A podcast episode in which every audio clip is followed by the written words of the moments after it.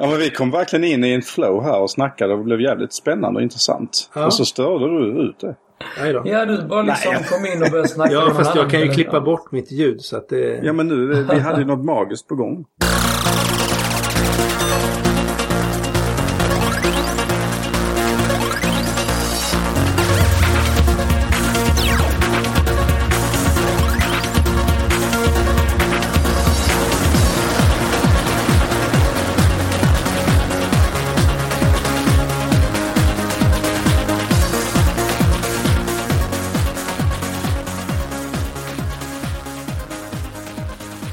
Hej och hjärtligt välkomna till avsnitt 46 av podcasten Mellan svart och vitt.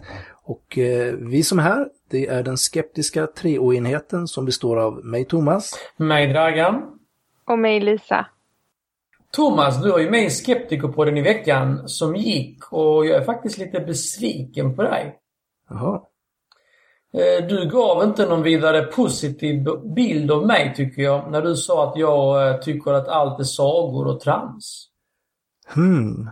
Undrar var jag fick det ifrån. Men Ja, jag tror ju vara- som sagt på att allting är sagor. Alltså, Ja. jag, jag, tror, jag tror att det är påhitt liksom. Ja, men det är vackra sagor, eller är de det? Är de vackra? Sagorna i Bibeln. Vadå, vadå? Tar han upp en saga som vittnesdokument? Och andra sagor, eller är det en blandning, eller vad menar han? Var allting sanning där, eller vad? I och med att jag har väldigt svårt för att tro på sagor, vilket du har lättare för. Intutande av sagor är inte bra oberoende av hur farliga de är. Kan man säga, om inte detta låter som en saga, så vad gör det annars? Skapelseberättelsen i Bibeln är ju för mig, låter lite som en saga. Det får du fråga författarna till sagoböckerna om. Det finns säkert kristna församlingar som är bra, men det bygger sitt goda engagemang på sagor och trams om någon gud som inte finns. Okej, okej, du jag har sagt det någon gång då och då men liksom alltså jag har sagt lite mer än det. Jag har bara skrapat på ytan här. Jag kan inte lyssna igenom eh, 45 avsnitt här men eh, ett litet axplock. Ja, ja, ja, ja, men eh, du får väl hålla med om att jag har bidragit med lite mer än att bara Ja, säga absolut. Nej, men det var väl lite för att polarisera också. Ja. Sen så låg det väl nära till hands kanske, men eh, du är mycket mer än, eh, än det och eh, det vet du. Tack så mycket. Tack så mycket. Och nu är det dags för vårt huvudämne.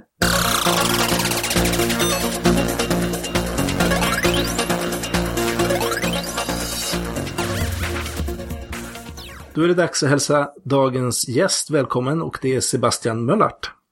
Välkommen till podcasten Mellan svart och vitt. Tack. Hej. Skulle du kunna berätta lite grann om dig själv?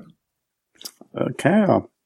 Eh, Jag är 35 år gammal. Bor i södra Sverige i en liten by som heter Röstånga. Där jag flyttade eh, tillsammans med min fru och mina båda barn för fyra år sedan cirka. Från Malmö, där jag bodde tidigare. Eh, jag jobbar som eh, musiker. Och eh, har gjort det sedan 1999 tror jag det är. Eller 2000. Och sysslar med lite allt möjligt inom musik. Elektroniskt, akustiskt, dansmusik. Väldigt experimentell musik och mindre experimentell musik. Eh, ja, kort sagt all möjlig musik. Eh, och det är det jag livnär mig på eh, och sysslar med på dagarna. Skulle du kunna berätta lite om resan till att bli musiker för dig? Det kan jag. Musik har varit väldigt stor del av mitt liv sedan jag var väldigt liten. Eh, Jag har spelat många olika instrument. Och väldigt tidigt så kände jag liksom att det var... Nu i efterhand så kan jag känna att det, det var nog väldigt självklart för mig att det var ett sätt där jag fick utlopp för min kreativitet. Och när jag var yngre så eh, tänkte jag liksom inte riktigt på det på det sättet eller satte de orden på det. Men jag kände en kände att jag kunde vara väldigt fri och uttryckte någonting när jag sysslade med musik. Och drogs till det. Eh, och när jag gick på lågstadiet och mellanstadiet så spelade jag olika instrument och fördjupade mig i dem. Det var fiol och piano orgel och lite alla möjliga olika instrument. Och gjorde en ganska klassisk resa i den svenska kommunala musikskolan. Som var väldigt fantastisk och som jag idag är väldigt tacksam för att den möjligheten fanns. Annars tror jag inte att jag hade sysslat med musik idag faktiskt. Eh, och gymnasiet så kom jag lite i en slump kontakt med folk som sysslade med annan musik än det som jag sysslar med i mitt eget uttryck inom musikskolan. Där jag spelade mest klassisk musik, symfoniorkestrar och olika stråkensembler och, och så vidare. Eh, och plötsligt då så kom jag in i en, en annan musikvärld som var mer, vad ska man säga, alternativ popmusik. Eh, och började spela i ett popband som heter DIM. Från Hässleholm där jag kommer ifrån. Eh, och plötsligt så, och det var liksom en liten en liten kick att helt plötsligt skriva egen musik. För vi skrev vår egen musik och framförde den. Eh, och repade den. Och då fick jag plötsligt känna på en, nytt, en ny sida av det, det, det, kreativa på något sätt. Just att inte eh, uttrycka något som någon annan har skrivit utan eh, gå ett steg till då och uttrycka något som man själv har på något sätt kommit fram till. Eh, och därifrån så, så vi spelade väldigt mycket det här popbandet. Eh, och vid något tillfälle så började jag eh, gå på väldigt mycket technofester. Jag började inte gå på väldigt mycket utan jag började gå på en technofest. Men sen så kände jag väldigt, eh, väldigt starkt för dansen. Eh, och, eh, och som också var ett, ett kreativt uttryck tillsammans med musik. Men som återigen var annorlunda jämfört med, med det sättet som jag hade uttryckt mig musikaliskt tidigare. Och här var det mer att jag eh, i dansen tog en passiv roll i själva musikskapandet. Men en aktiv roll i upplevelsen och uttrycket av musiken. I dansen då. Eh, så att efter det så, så kände jag väldigt starkt för det och fortsatte att eh, gå på olika former av technoarrangemang. Eh, men just eftersom jag sysslar så mycket med musik så var det nog ganska givet och självklart att jag förr eller senare ville testa att uttrycka mig även rent aktivt för att, att, att göra den här musiken. Och så slank jag in på det. Och så, där, där tror jag var ungefär 19-20 år. Bodde i Lund och gick på universitetet där. Och, och sen så blev det det som på något sätt fångade mitt hjärta starkast. Och där jag fortsatte. Just med den elektroniska musiken. Mm. Eh, hur var din relation till religion och tro och så här under din uppväxt och under samma tid? Mina föräldrar är väldigt troende. Eh, men inte inom någon specifik aktiv religion. Men har varit väldigt sökande på många olika sätt. Och religion var ett ganska vanligt samtalsämne hemma hos oss. Vilket gjorde att jag ganska tidigt smakade på lite olika religioner tror jag. Eh, vissa religioner tror jag mina föräldrar var mer intresserade av. Eh, mer vediska religioner med buddhism och så vidare. Men de var intresserad av väldigt mycket, inte bara det. Eh, så att jag kom i kontakt med olika, eh, vad ska man säga, religiösa idéer. Och religion var nog ganska naturligt för mig utan att jag riktigt tänkte på det. Eh, men jag tror att när jag i min uppväxt försökte identifiera mig själv så tyckte jag nog att jag var ganska icke-religiös. Mm. Tror att jag sa att jag var liksom att jo, men jag är nog väldigt ateistisk. Eh, men, jag, men, men, nu när jag tittar tillbaks på det så känner jag att jag, jag var nog aldrig riktigt det. Utan eh, det var nog, vad ska man säga? Jag tror att de frågorna som vi i vårt hem väckte tillsammans, eller som mina föräldrar tog upp, och som sedan liksom jag spann vidare på själv eller tillsammans med andra, är ganska centrala frågor inom religion. Men jag tänkte aldrig riktigt på att det var religion. För att det var inte så att vi, mina föräldrar sa att nu ska vi prata eh, buddhism eller nu ska vi prata kristendom. Utan det var mest att det var frågor som var intressanta för dem. Och så togs de upp på något sätt i lite olika perspektiv. Och så ibland så dök eh, olika etiketter upp. Men det var liksom inte etiketterna som var det viktiga. Så att jag har nog alltid varit, eh, eller vad ska man säga, jag har nog haft en viss närhet till ett andligt liv. Utan att riktigt tänkt på det. Var det skillnad för dig när du flyttade hemifrån och inte hade de här frågorna vid köksbordet på samma sätt kanske? Eller du fick det i andra sammanhang eh, då? På många sätt så kan jag säga att mitt, och det är absolut väldigt centralt idag, att mitt kreativa uttryck har en väldigt andlig karaktär. Och har en, eh, jag vet inte, andligt eh, ord liksom, men det, det, har en andlig betydelse för mig. Och idag när jag praktiserar, eh, eller mediterar väldigt mycket och praktiserar zenbuddhism, så känner jag att det är inte så stor skillnad på att hitta kreativiteten i musiken än att hitta en närvaro, ett flöde i andra aspekter av, i vardagen. Du nämnde zenbuddhism här. Hur kom det sig att du började intressera dig för just eh, buddhism? Det, det är ju intressant varför man börjar med saker. Och ska man gå djupt i det så kan det ju bli intressant. Men av någon anledning så dök det upp på min livsväg. Mm. Eh, på olika sätt. Och, och, som sagt, mina föräldrar hade ju inte... Eh, det var ingen buddhistiska termer och visst buddhistisk insyn hade jag fått av mina föräldrar. Eh, så att det var, jag var liksom inte främmande, det var inte något jättekonstigt, märkligt och nytt. Eh, men sen dök det upp liksom vid något tillfälle på väldigt många sätt på en gång. Eh, och jag kände mig väldigt nyfiken på, och då var det inte just zenbuddismen i sig som jag var nyfiken på, utan det var mest att jag kände att jag var väldigt intresserad av meditation steget till att bli mer praktiserande, var det en eh, meditationsskola eller liknande eller var det någonting annat? Eh, precis. Eh, jag hittade faktiskt, jag tror det var Vuxenskolan i Malmö som hade det. Det var en introduktionskurs i Chan-meditation. Och Chan är då den kinesiska ordet för Zen.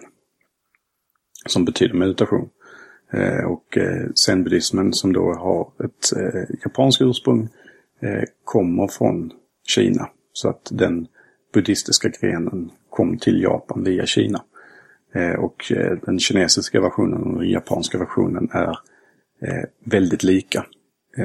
Just de själva specifika övningarna och är, är identiska skulle man kunna säga. Och sen så har de lite olika uttryck rent ceremoniellt är baserat lite på eh, att eh, Kina och Japan har ganska olika kulturarv. Så att Zen är lite mer japanskt i formen och Chan är lite mer kinesiskt i formen.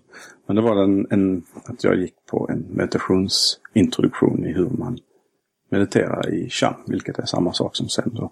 Och det var Chan-templet i Malmö som jag gick till. Han som är lärare där höll den här introduktionskursen på tio gånger. Hur, hur skulle du vilja beskriva buddhism för någon som inte har en aning om vad det handlar om? Eh, buddhism eller zen-buddhism? Du får gärna berätta om skillnaden där bara, för det tror jag det är många som inte vet. Eh, först vill jag säga att jag, jag är, eh, praktiserar ju zen-buddhism. Eh, men är, en, eh, är liksom inte någon lärare på något sätt, utan jag pratar utifrån en, där jag är. Så att inte folk tror att jag är än en lärare som berättar här om, om vad zenbuddhism är. Utan man får ta det jag säger med en nypa salt för att Ja men så är det med, med det vi pratar om också, att vi inte heller är mm. några experter. Men ibland är det bra att säga det för att det, eh, annars så kan folk plötsligt kanske tro att, att jag eh, säger något med en annan bakgrund än vad jag har. Men eh, zenbuddhism är ju en form av buddhism och eh, kortfattat skulle man kunna säga att eh, det är en ganska radikal form av buddhism. Eh, eh, som också är lite nyare. Det finns eh, vissa eh, buddhistiska skolor är lite äldre och har behållit lite mer äldre traditioner. Eh, och zenbuddismen är ett litet reaktion mot det, skulle man kunna säga. där man inte menar att övriga buddhistiska grenar är fel. Men att man tycker att man kanske fokuserar på eh, att man kanske missar poängen lite grann. Eh, så att sen gå liksom lite mer rakt på sak till att bli fri. Eller upplyst som vissa säger. Eller, eh, det finns många ord för det. Eh, och där finns det olika övningar som då går inom namnet meditation. Eh, som man använder sig för, av för att på något sätt penetrera och hitta sig själv. Och så fokuserar man på det. Eh, så att på något sätt så är det lite grann att många former eh, inom buddhismen finns det otroligt mycket skrifter och eh, eh filosofiska bitar. Det, det är som en djup psykologi, filosofi och väldigt stort och väldigt intressant. Och i zenbuddismen så säger man inte att det inte är så, utan man menar att så som buddhismen beskriver universum, att det är helt korrekt. Men att, att man missar poängen om man fastnar i det där lika mycket som om man fastnar i andra tankemönster. Eh, och att, eh, att just vårt, eh, på den sidan av oss som så gärna fastnar i saker, eh, även fastnar i det ifall vi inte är tillräckligt starka. Så därför så lägger man inte så stor vikt vid hur allting funkar och menar på att om man nu om man eh, mediterar och går in för det så kommer det till en av sig själv på något sätt. Det låter lite som eh, jag säga, KBT. Vad är det? Nej men eh, kognitiv beteendeterapi, att man, eh, ja, man går mer rakt på, eh, ja. på lösa problemet snarare än att gräva i, i liksom, det är ju lite, det står ju i i ja, kontrapsykoanalys och så vidare när man mm. gräver i det förflutna ja, och allting. Det, det stämmer. Och det var någon som sa det, jag vet inte, någon vis personlighet, någon modern spirituell eh, vägledare som räknade upp lite olika att, att de flesta stora världsreligionerna har eh, eh, olika grenar som på något sätt är en liten reaktion mot sin egen religion men som liksom inte egentligen så att religionen är fel men mest att, att man har hakat upp sig på saker som, som kanske egentligen, som inte är fel i sig men som man gärna får göra men om man nu vill bli fri så blir det istället ett hinder. Man har kabbala inom judi judismen, man har sufism inom islam och sen inom buddhism och mysticism inom kristendomen och så vidare. Eh, hur ser du på det här med reinkarnation? Är det också en sak som ni inte funderar så mycket över eller hur är det med det här inom zenbuddismen? Eh, om man praktiserar zenbuddism så är det först och främst väldigt viktigt att det, man behöver liksom inte ta till sig någon buddhistisk lära om man inte är sugen på det. Det viktiga är att, att följa meditationsövningarna. Sen så är det ju väldigt många som, sys, som, som drar sig till en religion eller något, något spirituellt uttryck just för att man söker. Av någon anledning så söker man. Och, det, och, och då dyker det ofta upp frågor hos den som söker. Så sådana frågor är ju väldigt vanliga att de dyker upp och man kan prata om och så vidare.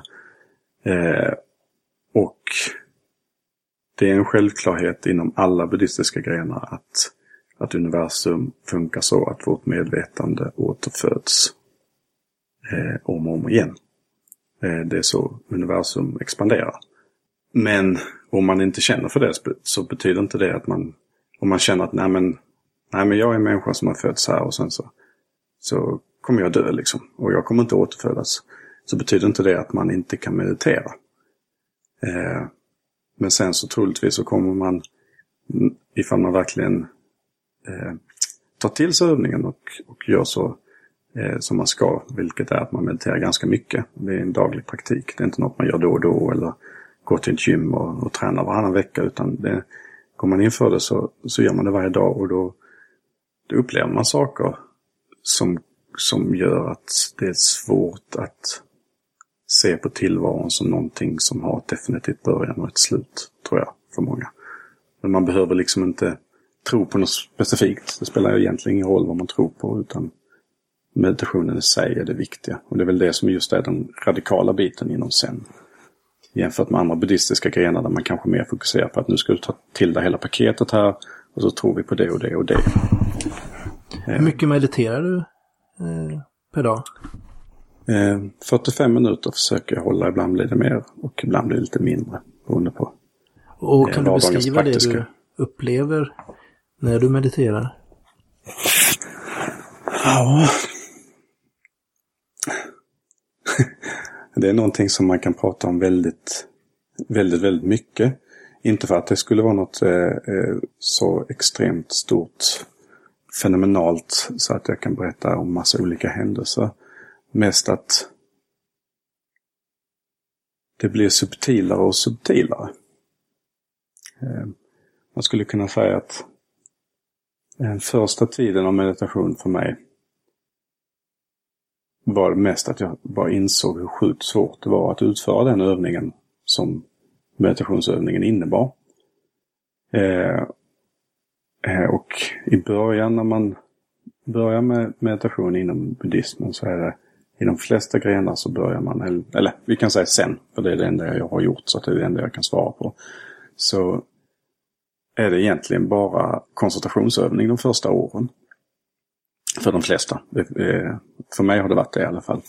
Eh, att på något sätt få ett perspektiv till allt som försiggår i mitt inre och inte eh, bli så direkt uppsluppen av de eh, mentala eh, strömningar som försiggår.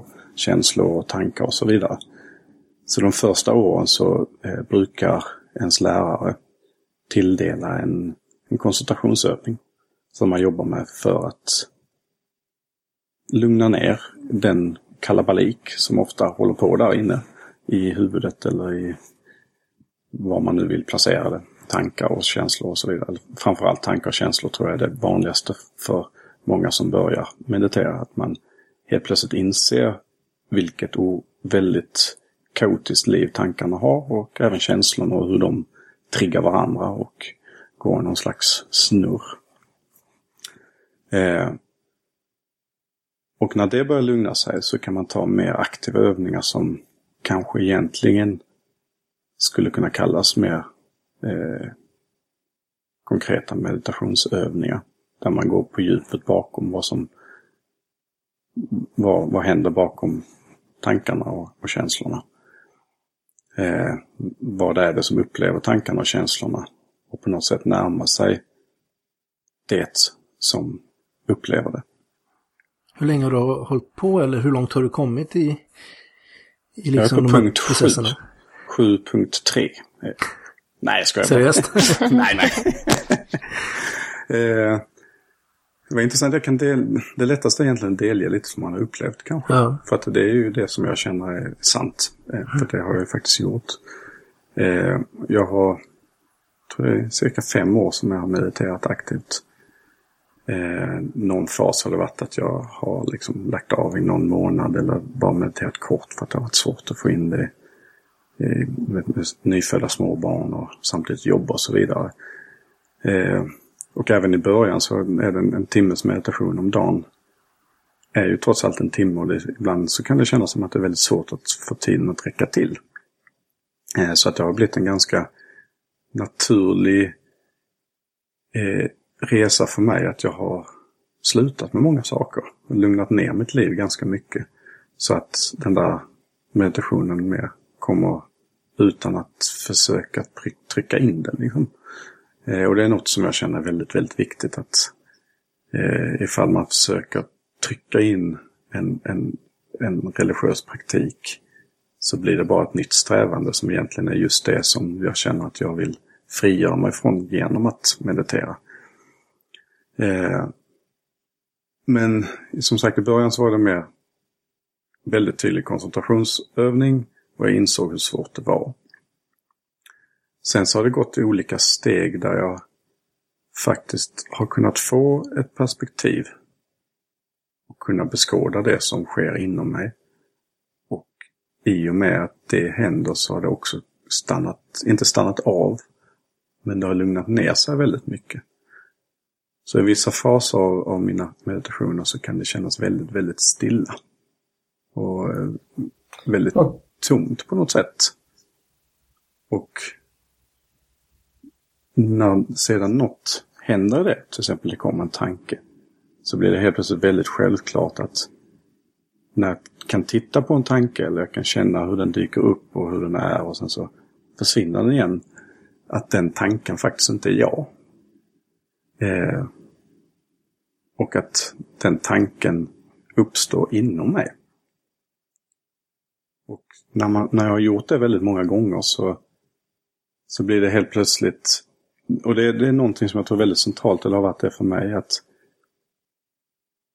när jag mediterar, dels då i koncentrationsfasen och koncentrationsövningarna och meditation, så har jag mycket lättare att i min vardag, för det, det är någonting som är väldigt centralt i, inom sen också, att det, meditationen på kudden när man sitter ner och mediterar är liksom inte någonting man gör och sen så är det avklarat och sen så, så fortsätter livet på något sätt helt avskilt från det. Utan eh, livet i sin helhet är egentligen inget annat än det som meditationen pekar mot. Att uppleva allt som det är.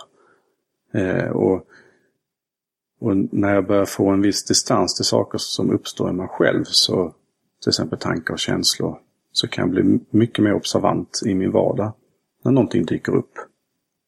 Så att jag, eh, jag och min fru, helt plötsligt så känner jag en irritation. Något hon säger.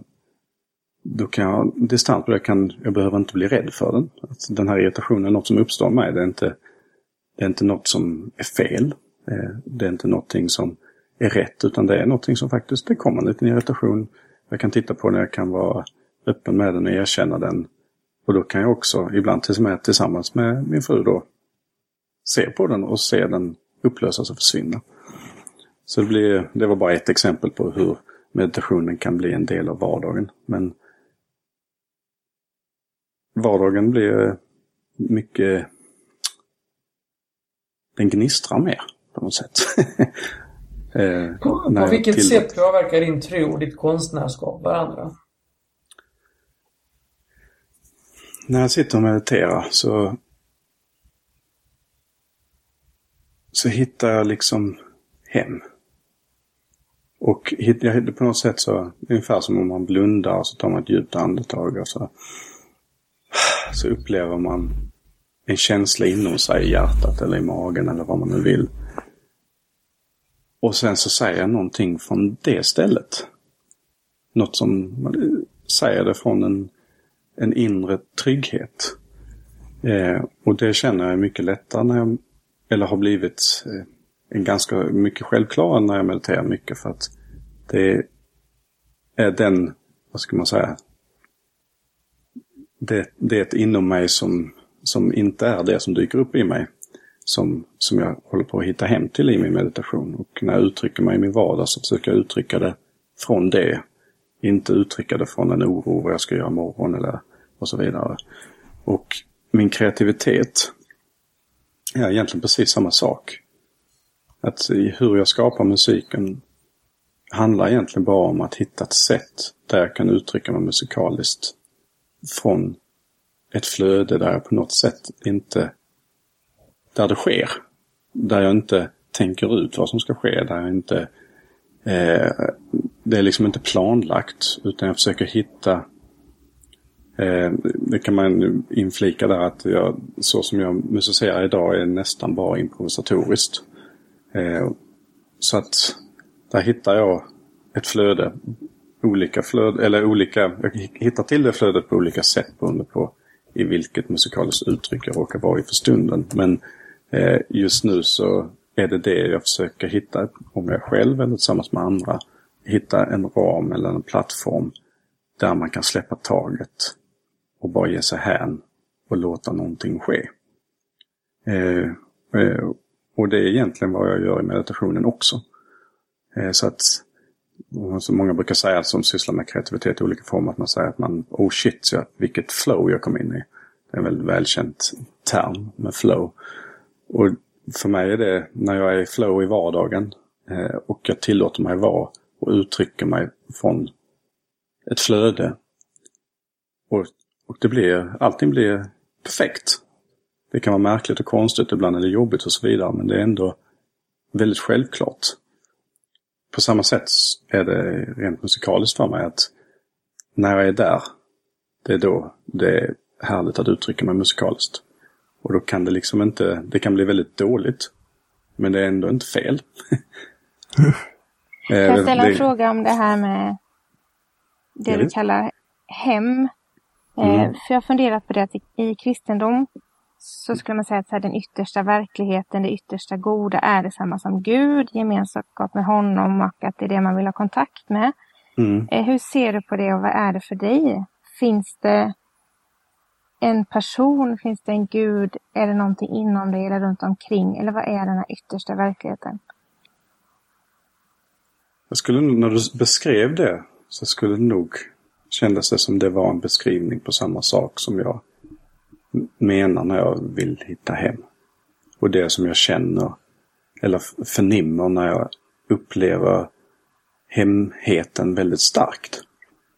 Till exempel det, det kan vara både i en, i en meditation eller eh, i vardagen. eh, Där jag känner mig väldigt meditativ eller väldigt närvarande. Och det känns som wow, vad jag är hemma, vad jag är här. Eh, så är det på något sätt att jag är tillsammans med honom. Att då blir jag på något sätt... Men där, där, där vet jag inte om det... Där kanske är vissa tydliga skillnader i, i hur man beskriver rent definitionsmässigt dessa upplevelsetillstånden inom kristendomen och buddhismen. Men jag tror väldigt starkt att man pratar om samma sak. Eh, men det kan jag inte veta. Eh, men det är en känsla jag har. Eh, men jag känner inte att jag är hemma hos någon annan. Jag är inte hemma hos en gud. Eh, det finns inget det finns inget yttre. Men Det känner du inget- att Gud är hemma i dig? Eh, när jag är hemma så finns det ingen gud. Eh, men när jag inte är hemma och kommer ihåg eller funderar på hur det kändes när jag var hemma. Så kan jag projicera det som en gud. Att jag vill komma tillbaks till honom. Eller komma tillbaks dit. Men när jag är tillsammans med Gud så är det just när den typen av begrepp och uppdelning av verkligheten, en uppdelning av här och där. Och, eh, väldigt modernt idag är att man pratar om så här non-dualism. Eh, det finns många skolor som är icke-religiösa men spirituella där man pratar om att verkligheten inte är dualistisk utan alltid ett. Eh, och det är en väldigt central roll i buddhismen också. Eh, och jag tror att många sådana spirituella eh, vägar har liksom plockat ut det, den biten och fokuserar radikalt på det. Och det när jag känner mig hemma så, så slutar verkligheten att vara uppdelad i, i olikheter. Och det blir ett flöde. Och då skulle man ju kunna likna det med, med att när jag är tillsammans med Gud och är i, i hans rike eller i hans närvaro eller i hennes eller i dets eller vad man nu vill uttrycka det. Så blir jag befriad från den typen av uppdelning. Och får lov att, att känna tillhörigheten med allt. Då är det mer en slags tillhörighet, mer än en gemenskap. Eh, eller kan man ha gemenskap med någon annan, även om det inte finns en dualism? Jag upplever ju inte tillvaron icke-dualistiskt hela tiden. Jag upplever den väldigt dualistiskt väldigt mycket. Eh, och ibland inte. Eh, och jag känner att en väldigt viktig del för mig, jag känner väldigt mycket för gemenskap. Jag känner väldigt mycket för tillsammanshet. Och jag känner att det är någonting som kan hjälpa oss att gå bortom det. Till ett ett. Eh, och att gemenskapen är som viktigast när jag inte upplever ett. Utan jag upplever en uppdelning och, och en separation. Och då kan den gemenskapen vara en, en otrolig styrka till att, att, att hjälpa varandra att lösa upp varandra från att tro att vi är separerade från varandra. Eh, men jag, jag har ju inte, inom buddhismen så menar man, kallar man just upplysthet. Eh, upplysthet är inte något slutstadie, eh, utan upplysthet är något när man börjar vakna, man börjar uppleva en enighet med allt mer väldigt konkret och aktivt. Och det är någonting, en process som sen kan fortgå väldigt långt. Eh, men där, där och jag, jag kan inte kalla mig upplyst på något sätt, men ibland så, så känner man väldigt ett med allt. Mm. Då, då funderar jag inte heller på gemenskap. Det, då är inte gemenskap intressant, för då, då, då upplever jag det som är utan att fundera på vad det är. Eh, det finns de som säger att buddhismen är en ateistisk religion. Hur ser du på det?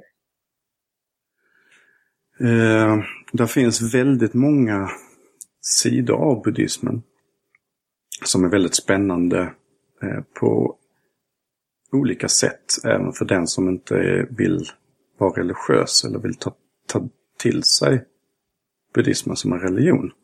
Och jag tror att... Ja, alltså det är ju en religion utan gudar.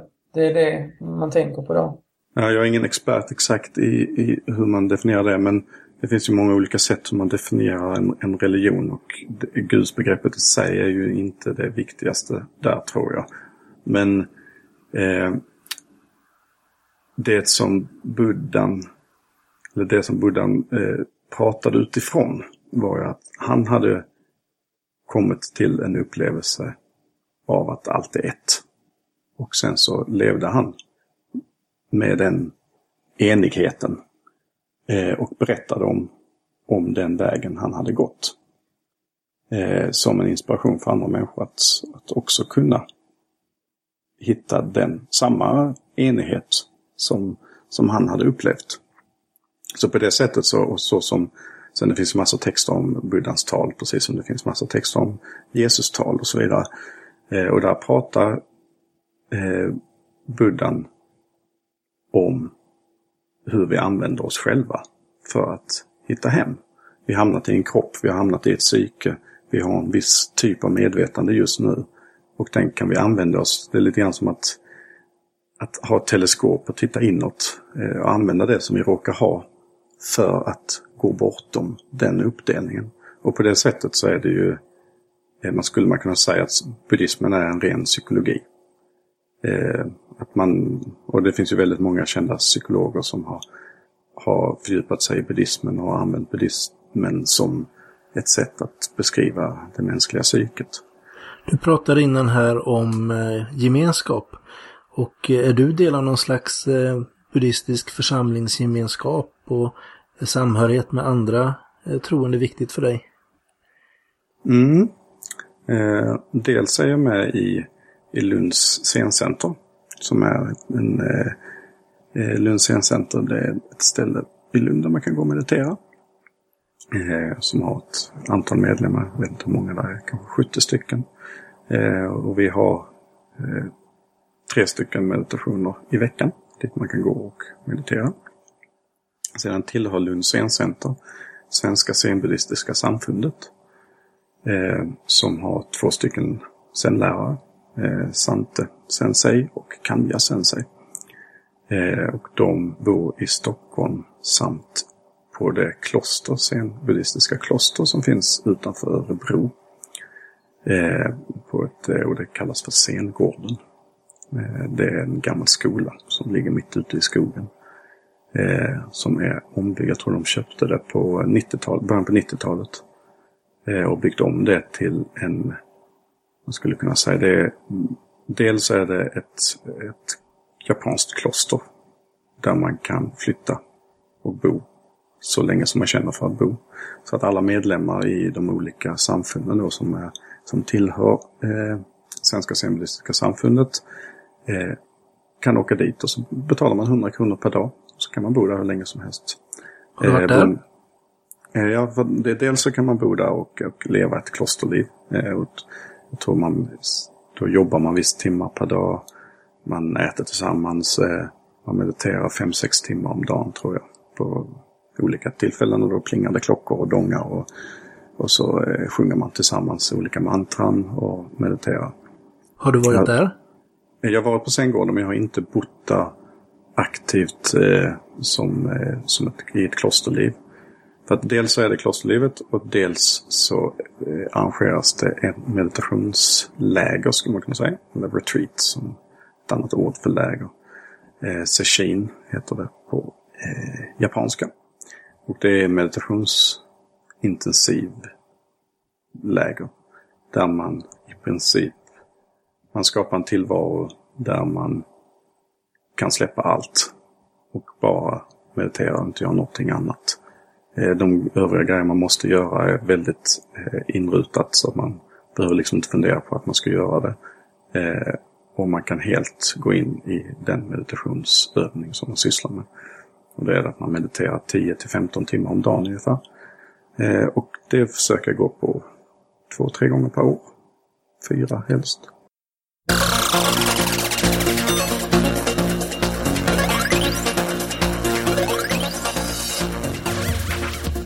Brukar ha ett musikinslag i vår podcast där vi brukar turas om att eh, bjuda på våra musikaliska alster eller eh, framföra lite verk. Och eh, känns ju som det passar väldigt bra här att eh, spela upp någonting som, som du har skapat. Ja. och eh, du skulle fundera lite på vad som skulle passa. Eh, vad, vad har Hur du långt valt? får det lov att vara? Jag vet att dina låtar kan ju vara alltid från minuter. 8 till eh, en, och 30, en timme och 30 minuter. Eller? Du, har ingen, du har ingen låt som är tre minuter lite Melodifestivals... eh, Det är du som gör Melodifestival. eh. Ja, jag, har bara gjort en, jag har bara gjort en Melodifestivalslåt den var tre minuter. Men du har inga sådana alltså? De är för korta enligt dig? Nej, min musik är ju lite mer... det- det- Å ena sidan så är de...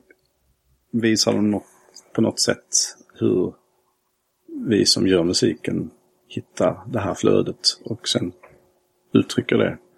Eh, å andra sidan så är det, när det är dansmusiken jag gör så är det musik som är gjord för att tillsammans med dans under väldigt lång tid, som liknar ganska mycket meditation, hitta i dansen detta flödet av att vara ett med allt. Där man på något sätt suddar ut eh, separationen. Eh, och då, för att det ska funka, det är inte något som händer på tre minuter. Utan det får man dansa ganska länge. Inte ens med en tonartshöjning. ja, det får man ta till något sånt. Eh, men eh, så därför är låtarna väldigt långa. Ja, precis.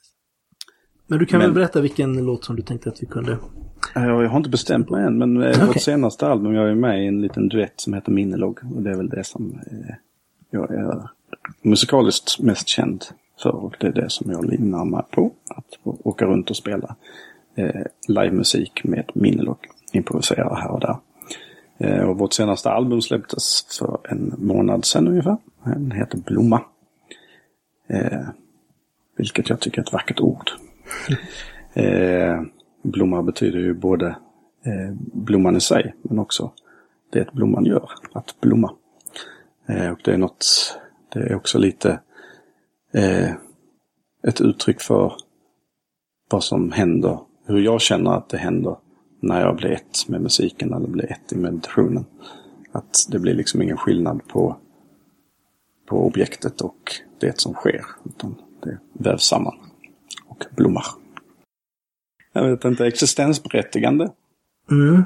En, en, en dansant låt som eh, tror kan passa här. Eh, är det någon hemma är ju alla de här låtarna som är på det här albumet är eh, Eh, helt oediterade. Utan jag och Marcus som då tillsammans är min logg har vi har träffats, satt upp våra grejer, förberett oss lite och sen har vi tryckt på record. Och så har det blivit så här. Så varje låt är en gång vi har träffats. Och vi har liksom inte ändrat någonting på det. Eh, och just det, är det någon hemma? var en väldigt stark upplevelse. Det var en 45 minuters session där som var otroligt stark och vacker att ta del av när vi gjorde den. Eh, och den, kan vara, den är väldigt lugn. Så vill man ha något och den är nästan lite pastoral tycker jag. Den är, många element på den här skivan skulle nog kunna kallas kyrklig tycker jag. Kanske inte för någon som sysslar med kyrkomusik men för de av våra fans som då för det mesta lyssnar på elektronisk musik så blir den nog nästan lite pastoral.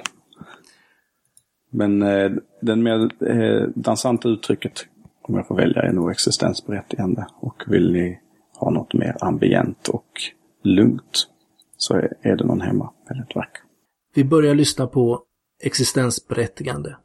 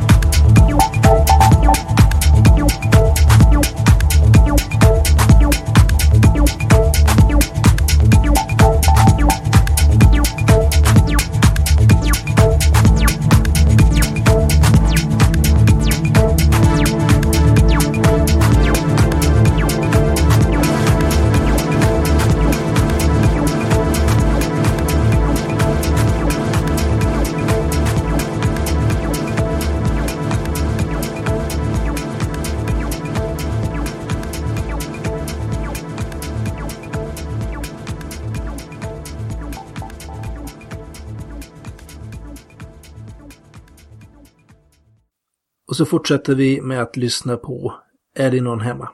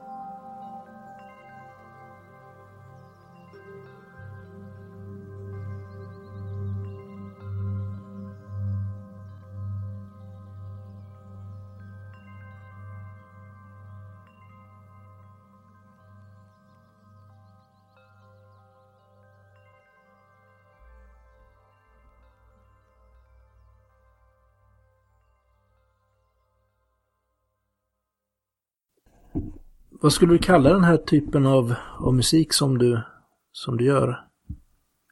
Eh, varför ska man... Jag vill ha det i ett fack. Ja. Nej. Eh, nej men det, det, vi, vi behöver ju fack för att kunna eh, beskriva saker. Så att, eh, Är det rock eller är det synt? Då är det lite rockig syntig. Lite rockigt. rockigt kan Nej, det, det är ju elektroniskt. Just det här albumet är ju väldigt elektroniskt. Helt livespelat. Eh, Men eh, det är elektronisk musik och eh, mycket av det är elektronisk dansmusik. Eftersom tanken är ju att dansa till det. Den andra sidan är en dubbel-CD. Så den andra sidan är väldigt ambient och inte särskilt dans eh, på samma sätt tycker jag. Eh, men fortfarande elektronisk musik. Eh, och många vill, det finns många termer för elektronisk dansmusik. Techno, house, ni sa innan trans. Eh, just Minelog brukar de flesta säga techno house, inte trans. Det går liksom inte riktigt under den etiketten. Men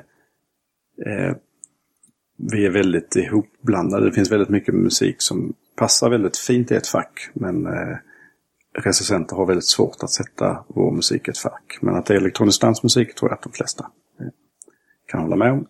Det andra kan man kalla för ambient eller drones musik eller eh, freestyle elektronika. Eller, det finns Har ni aldrig några vokaler i, i, i er musik? Jo, det händer ibland. Bara Eh, konsonanter? ja, precis. Med drutten, Color så var det väl det? Ja, alltså sång. drutten och gena kör vi mest. Det är vi väldigt inspirerade av. Nej, sång. Jag har gjort en del, eh, jobbat med lite olika vokalister och gjort, eh, vad ska man säga, lite mer jazzig, lugn elektronisk musik med vokaler.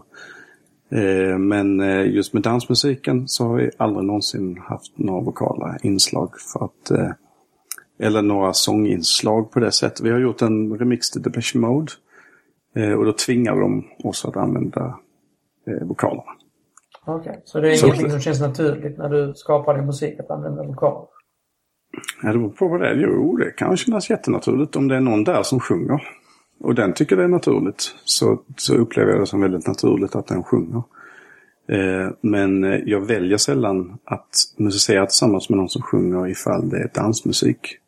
För att eh, eh, det som jag vill göra när jag dansar är inte att lyssna till ett eh, budskap i form av ord. Utan att eh, röra min kropp till musik och, eh, och hitta hem. Till mig eller honom eller vad man nu vill kalla det. Eh, så därför så, så just än så länge så har jag inte valt att jobba med vokalister vad det gäller dansmusiken. Eh, men annars så tycker jag att det är jättespännande att, att jobba med vokalister. Och det tror jag säkert att jag kommer göra mycket. Är de här lugna, vackra musiken också dansmusik för dig? Eh, personligen så är det det. Mm. Eh, jag älskar att dansa till all musik. Jag, just den senaste tiden, jag har byggt ett hus och jobbat som heltidsmusiker, så har jag inte haft väldigt mycket tid att dansa hemma. Men eh, vanligtvis så tycker jag är väldigt underbart att dansa med min familj hemma.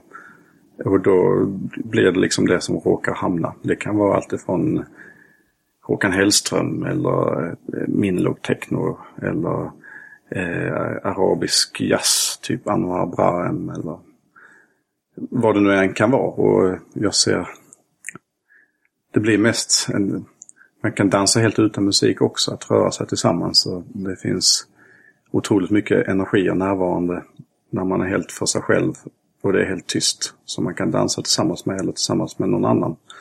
Så är det andra energier i en relation. Man kan uttrycka dem, hur man upplever de energierna i det mötet med kroppsrörelser. Det gör vi ofta när vi möter någon så har vi ibland vissa rör. Jag brukar röra mycket på händerna när jag pratar. Det ser inte ni nu men det brukar jag göra.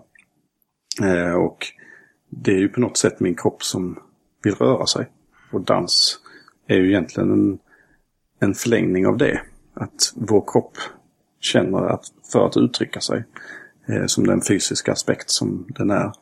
Energiklump.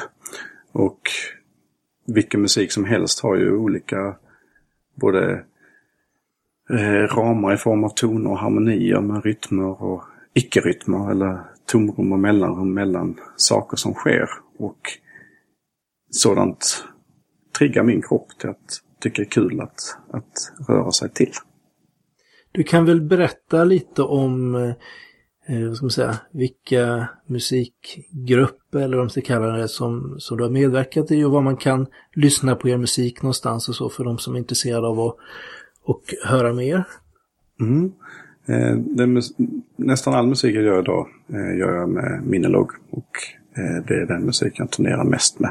Så man vill ha up to date eh, hur jag uttrycker mig idag genom musiken så skulle jag tipsa om att lyssna på Minilog. Och vår senaste album Blomma är väl ett... Det är lite grann så att varje album vi har släppt, vi släpper album väldigt sällan, eh, är på något sätt ett, en, en pik eller en blomma av den kreativa process och resa som vi har genomgått de senaste åren tillsammans. Så att eh, Blomma visar väldigt tydligt hur vi improviserar musik både i studion och när vi spelar live. Och Middelocks eh, album ligger på Spotify. Ja, den hamnade där för ett tag sedan. Spelar ni live i, i Sverige någon gång här framöver? Ja, eh, vi spelar live på Inkomst i Malmö den 5 oktober. Eh, då har vi en improvisationskonsert tillsammans med en, eh, en kanadensisk eh, technoartist som heter Matthew Johnson. Och då spelar vi i princip på samma sätt som när vi spelar bara jag och Marcus. Vi sätter upp alla våra prylar och sen så får en välja tempo och tonart så börjar vi där. Utan att bestämma något. Så ser vi vad som händer. Så det kommer vi göra på inkomsten 5 oktober. Och sen den 1 februari nästa år spelar vi också på Inkomst. Eh, men bara eh, jag och Marcus som Minnelock. Det kommer bli en lite annorlunda tillställning men vi har inte gått ut med hur det är annorlunda. Men annars så spelar ni mest utanför Sverige? Eh, ja, vi brukar spela ett visst antal gånger i varje land. Så att mm. vi spelar mest utanför varje land. Eftersom det är många andra länder.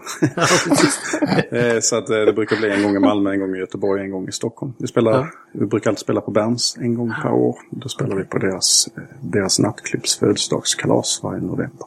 Okay. Så även i år, jag tror det är 2 november. Jag har inte så bra koll på bokningarna, men jag tror det är 2 november. Men annars brukar vi spela några gånger i Tyskland, Frankrike, Italien, Spanien, England, Japan, USA, Brasilien, Australien. Eller Ska du vara i Göteborg också snart eller? Eh, jag har faktiskt ett litet eh, DJ-framträdande. En okay. vän till mig som har någon ut, tillställningsaktigt över sommaren som bad mig komma och spela. Jag brukar inte spela som DJ särskilt ofta. Men så sa jag ja till det. Så jag tror det är den 12 juli. Okej. Okay. Eh, var då någonstans? Det vet jag faktiskt inte. Okej, okay, jag bara tänker, vi har en del eh, lyssnare från Göteborg vet jag. Så. ja, ja. Nej, jag kommer faktiskt inte ihåg vad det hette. Men vad heter kommer... du som DJ då? Då heter jag mitt namn, Sebastian Mellert. Ja. Enkelt och bra. Enkelt och bra, ja. Eh, ja, men då så är väl vi eh, klara egentligen för idag. Vi brukar ha lite eftersnack med vår gäst, så att... Eh... Det är då det riktigt spännande kommer.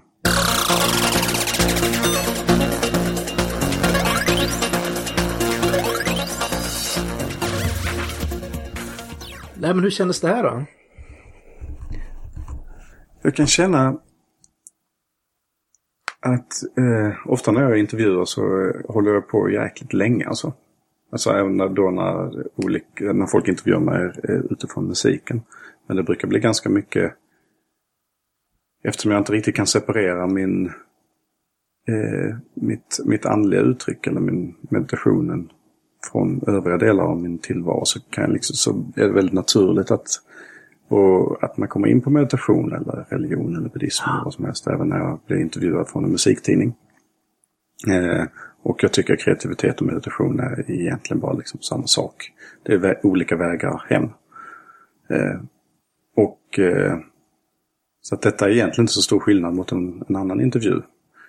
Men eh, jag känner mig mer hemma när jag får prata eller en dialog på något sätt. Men en dialog är inte bara jag, utan det är ju alla som är närvarande i dialogen. Mm. och när dialogen på något sätt hittar hem i sin helhet och man som, ja man på något sätt hittar någonstans tillsammans så kan det ibland ta ett litet tag. Och efter ett tag så kan jag ibland känna att wow, nu börjar vi eh, dela saker på riktigt. Innan dess så är det, kan det vara många sidor hos mig själv också som känner av de andra eller det kommer upp tankar. Precis som i ett meditationspass när jag sitter att första kvarten kanske är lite mer virrig. Och sen börjar det lugna ner sig. Eh, nästa kvart blir väldigt stillsam, ingenting händer. Tredje kvarten kanske saker dyker upp och jag kan verkligen se dem och känna ah, ah. Och så tycker jag även det är när jag möter människor. Att det är likadant på dansgolvet när jag dansar. Första två timmarna så gluttar jag mer på vad andra gör. Eh, och sen så till slut så, så börjar jag bara dansa.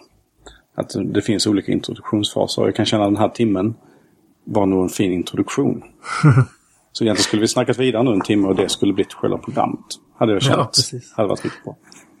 Ja, men det är lite så podcasten eh, jämfört med en del andra, eh, vad ska man säga, ja, samtal eh, och så eh, har man ju lite mer tid på sig, alltså i podcasten än när det är lite mer snabba frågor eller eh, någon får några frågor i en eh, intervju på radio eller tv eller så.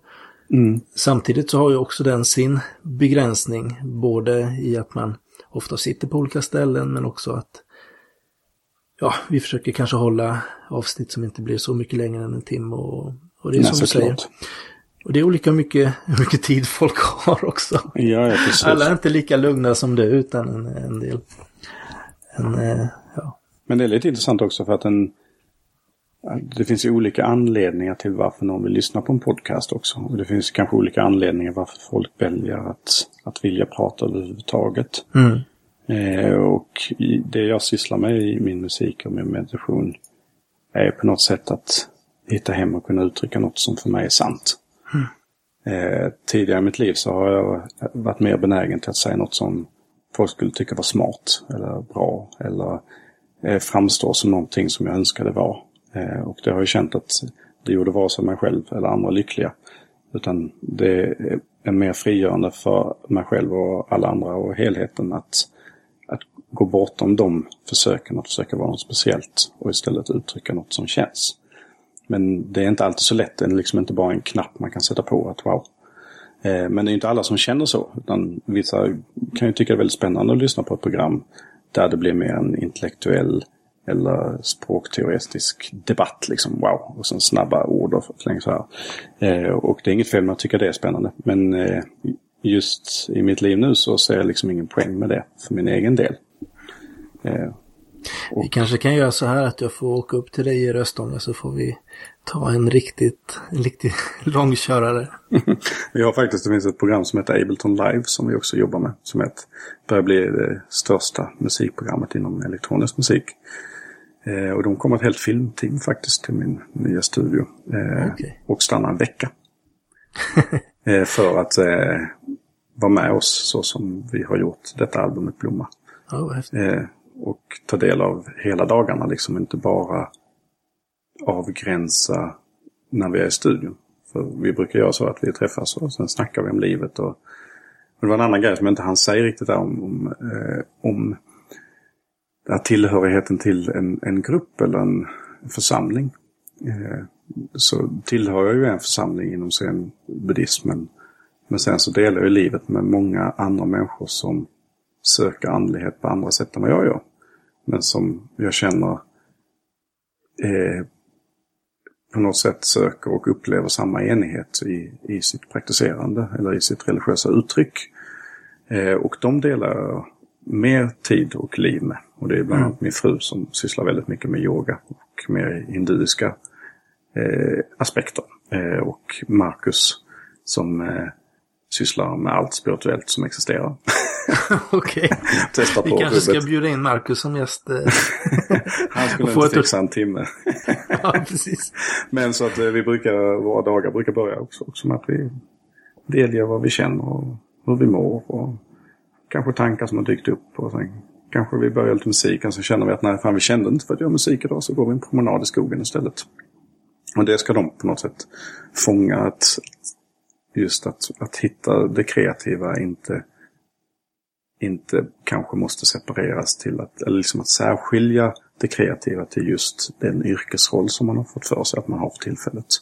Utan att kreativitet och att, eh, och att närvaro med Gud eller en meditativ eh, eh, meditativ eh, upplevelse egentligen är någonting som eh, går bortom alla de här uppdelningarna av att vara med barn eller jobba eller sitta i studion och göra musik och så vidare. Det kommer att resultera i någon typ av film då som... Ja, de ska göra en dokumentärfilm om hur vårt album blev till. Okej. Okay. Kommer man kunna se den eller hur, hur, om man är intresserad av det? Ja, den ska väl, väl tanken att den ska släppas till hösten då av dem. Det programmet. Okay. Sen släpps det digitalt tror jag, som en mm. gratis dokumentär. Coolt, vi får hålla utkik efter den så kan vi posta ut det sen i, i våra sociala kanaler. Ja. jag bara tänker på inom, nu vet jag inte Dragan, du, du hade inte någon direkt religiös anknytning? Nej, det berättar jag kanske aldrig. Jag, alltså mina föräldrar har ju en eh, sån här ortodox kristendom som bakgrund. Ja, ja, ja. Och, eh, men det, jag är inte uppväxt i något speciellt religiöst hem utan det är väl som medelsvensson i makedoniska sammanhang då man går till kyrkan när man gifter sig typ och när man ja, ja. Eh, när det är dop och de bitarna sen så, ja. Alltså. De säger att de tror men jag betvivlar hur mycket de tror med tanke på liksom hur de beter sig? Ja, hur de beter sig och liksom hur de ja, det är väl lite åt det hållet sådär att ja, alla andra tror så man tror och lite för säkerhets skull, tänk om man finns liksom. lite så är det. Och jag själv är ju inte alls troende. Jag är ju... Nej, precis. Jag, eh, det som Thomas sa, han, han var med i en podcast härom, häromdagen och han sa att Dragan han tror att allting är, hur var det så, allting är sagor och trams. Precis. Vi kommer återkomma till det. Ja, men det är ju jäkligt spännande faktiskt. Att, att sagor och trams är ju jävligt kul. Så då ja, kan visst, man ju visst. få ett fint eh, perspektiv på det som andra då tycker är andligt. Så kan man tycka mm. att det är jävligt kul. Och så plötsligt så är man väldans andlig. Mm. Man vet aldrig. Det finns hopp. Men jag tänkte lite där med eh, just meditation som övning.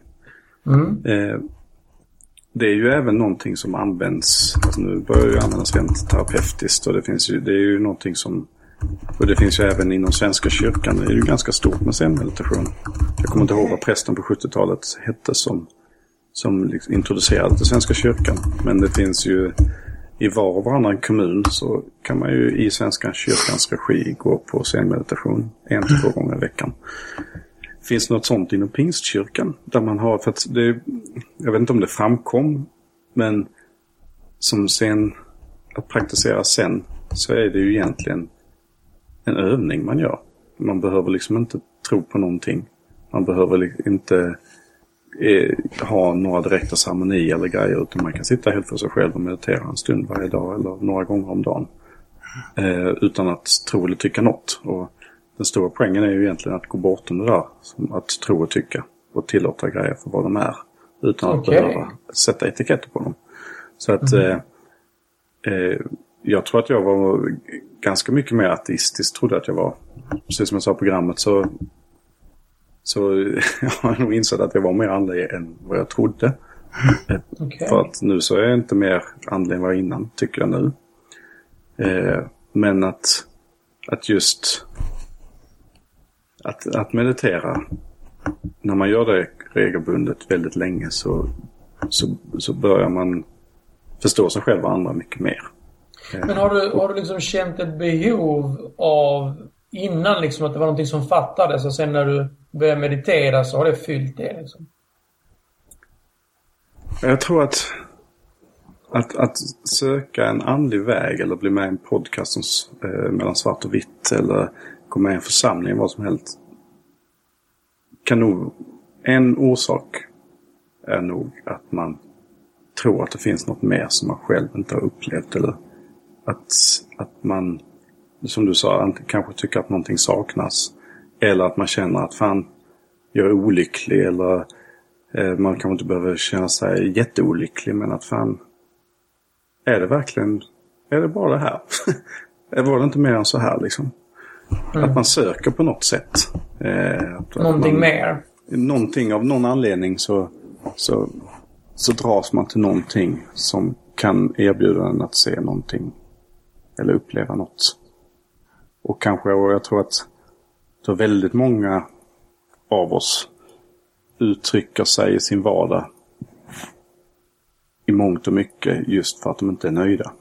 Man vill ha det och man ska ha det och sen så, så är, ja, men nu har jag tränat tre gånger denna vecka men jag måste nog träna en gång till för att det är inte tillräckligt. Eller eh, ska, vet, vissa människor konsumerar väldigt mycket, andra människor kan inte för nu måste bara, jag måste veta mer liksom. Jag Får inte nog med eh, plugga hitan och ditan och det är liksom aldrig tillräckligt. Mm. Det är någonting som ska fyllas. Eh, och det är väl lite det man ser igenom. Vad är det som måste ha mer? Jag läser Ja. en väldigt intressant bok nu för tillfället som berör ämnet. Jag vet inte om du har läst den som heter Nextopia. Nextopia? Nextopia, det här, alltså det, det är en bok då som handlar om att eh, det är människan, alltså att, att det är själva, stä- man, man strävar efter något nytt hela tiden. Liksom det är, alltså for the next thing, nästa jobb, nästa, Ja, ja, ja. eh, Ja, nästa liksom upplevelse, nästa kick. Att det är det liksom, faktiskt Precis. väldigt intressant. Liksom, har lite Och det är på något sätt så i meditationen som övning så förr eller senare så bör man få en distans till den aspekten eller den sidan av oss som vill ha the next thing hela tiden. Att man lugnar ner sig, att man liksom ska kanske nöja sig lite med vad man har, eller? Är det du tänker på? Nej, snarare att det, det finns en aspekt av oss som aldrig kommer få nog. Att man accepterar det, menar du? Eh, nej, så, länge, så länge man tror att, det är, att man är den aspekten. Och man går omkring och lever ut den aspekten. Och på något sätt, jo men jag är den här som vill ha ditt och datten och heter Sebastian Möllert och är, är den. Och jag är helt bestämd att jag liksom lever hela mitt liv som denna separationen. Som ska i, på något sätt bekräfta mig eller placera mig jämfört med allt annat hela tiden. Utmärka mig. Fast Ja. trivs man egentligen innerst inne när man, när man Ja, liksom... Men när, i meditation och så vidare så, så, så kan man hitta till någonting där denna aspekten sker inom. Aha, okej. Jag. Eh, helt plötsligt kommer man i kontakt med någonting som går bortom det här. Mm. Och då helt plötsligt, det betyder inte att när man börjar känna det och börjar se de tendenserna hos en. Som eh, att när man börjar få ett litet perspektiv och kan se och notera och faktiskt uppleva de sidorna som vill ha the next thing på olika sätt. För den kan ju te sig på en miljon olika sätt. Ofta så märker man den inte så tydligt på sig själv. Men andra personer kan man se väldigt tydligt på Ja. vilket sätt deras Okej. next thing på något sätt uppdagas i deras tillvaro. Liksom man kan kolla, Mm. kolla på amerikanerna. Ja, och de är si och så. Och oj, oj, oj, oj. Thomas eller- väntar på nästa, nästa iPhone till exempel. Ja.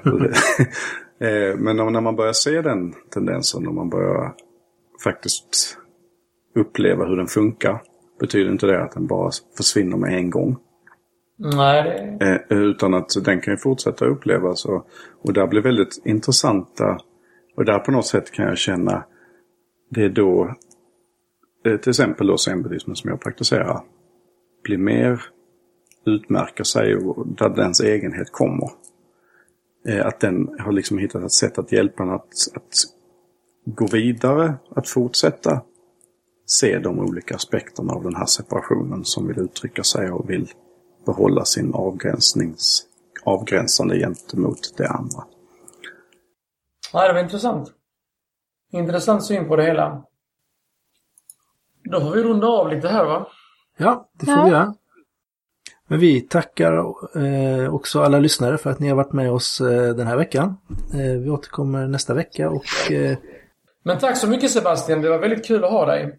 Ja, Mm, tack så mycket. tack. Hej då. Ha det fint. hej då! Samma hej. hej. Du har lyssnat på podcasten Mellan svart och vitt. En podcast som handlar om tro, tvivel, skepticism och humanism.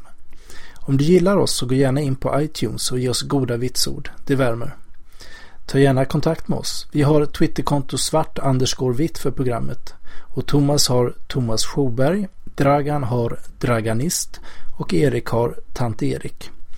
Gilla oss gärna på Facebook och eh, vår hemsida hittas på mellansvartovitt.se och där kan man också kommentera de olika avsnitten. Och sist men inte minst så är vår jingel gjord av Dragans band The Lounge.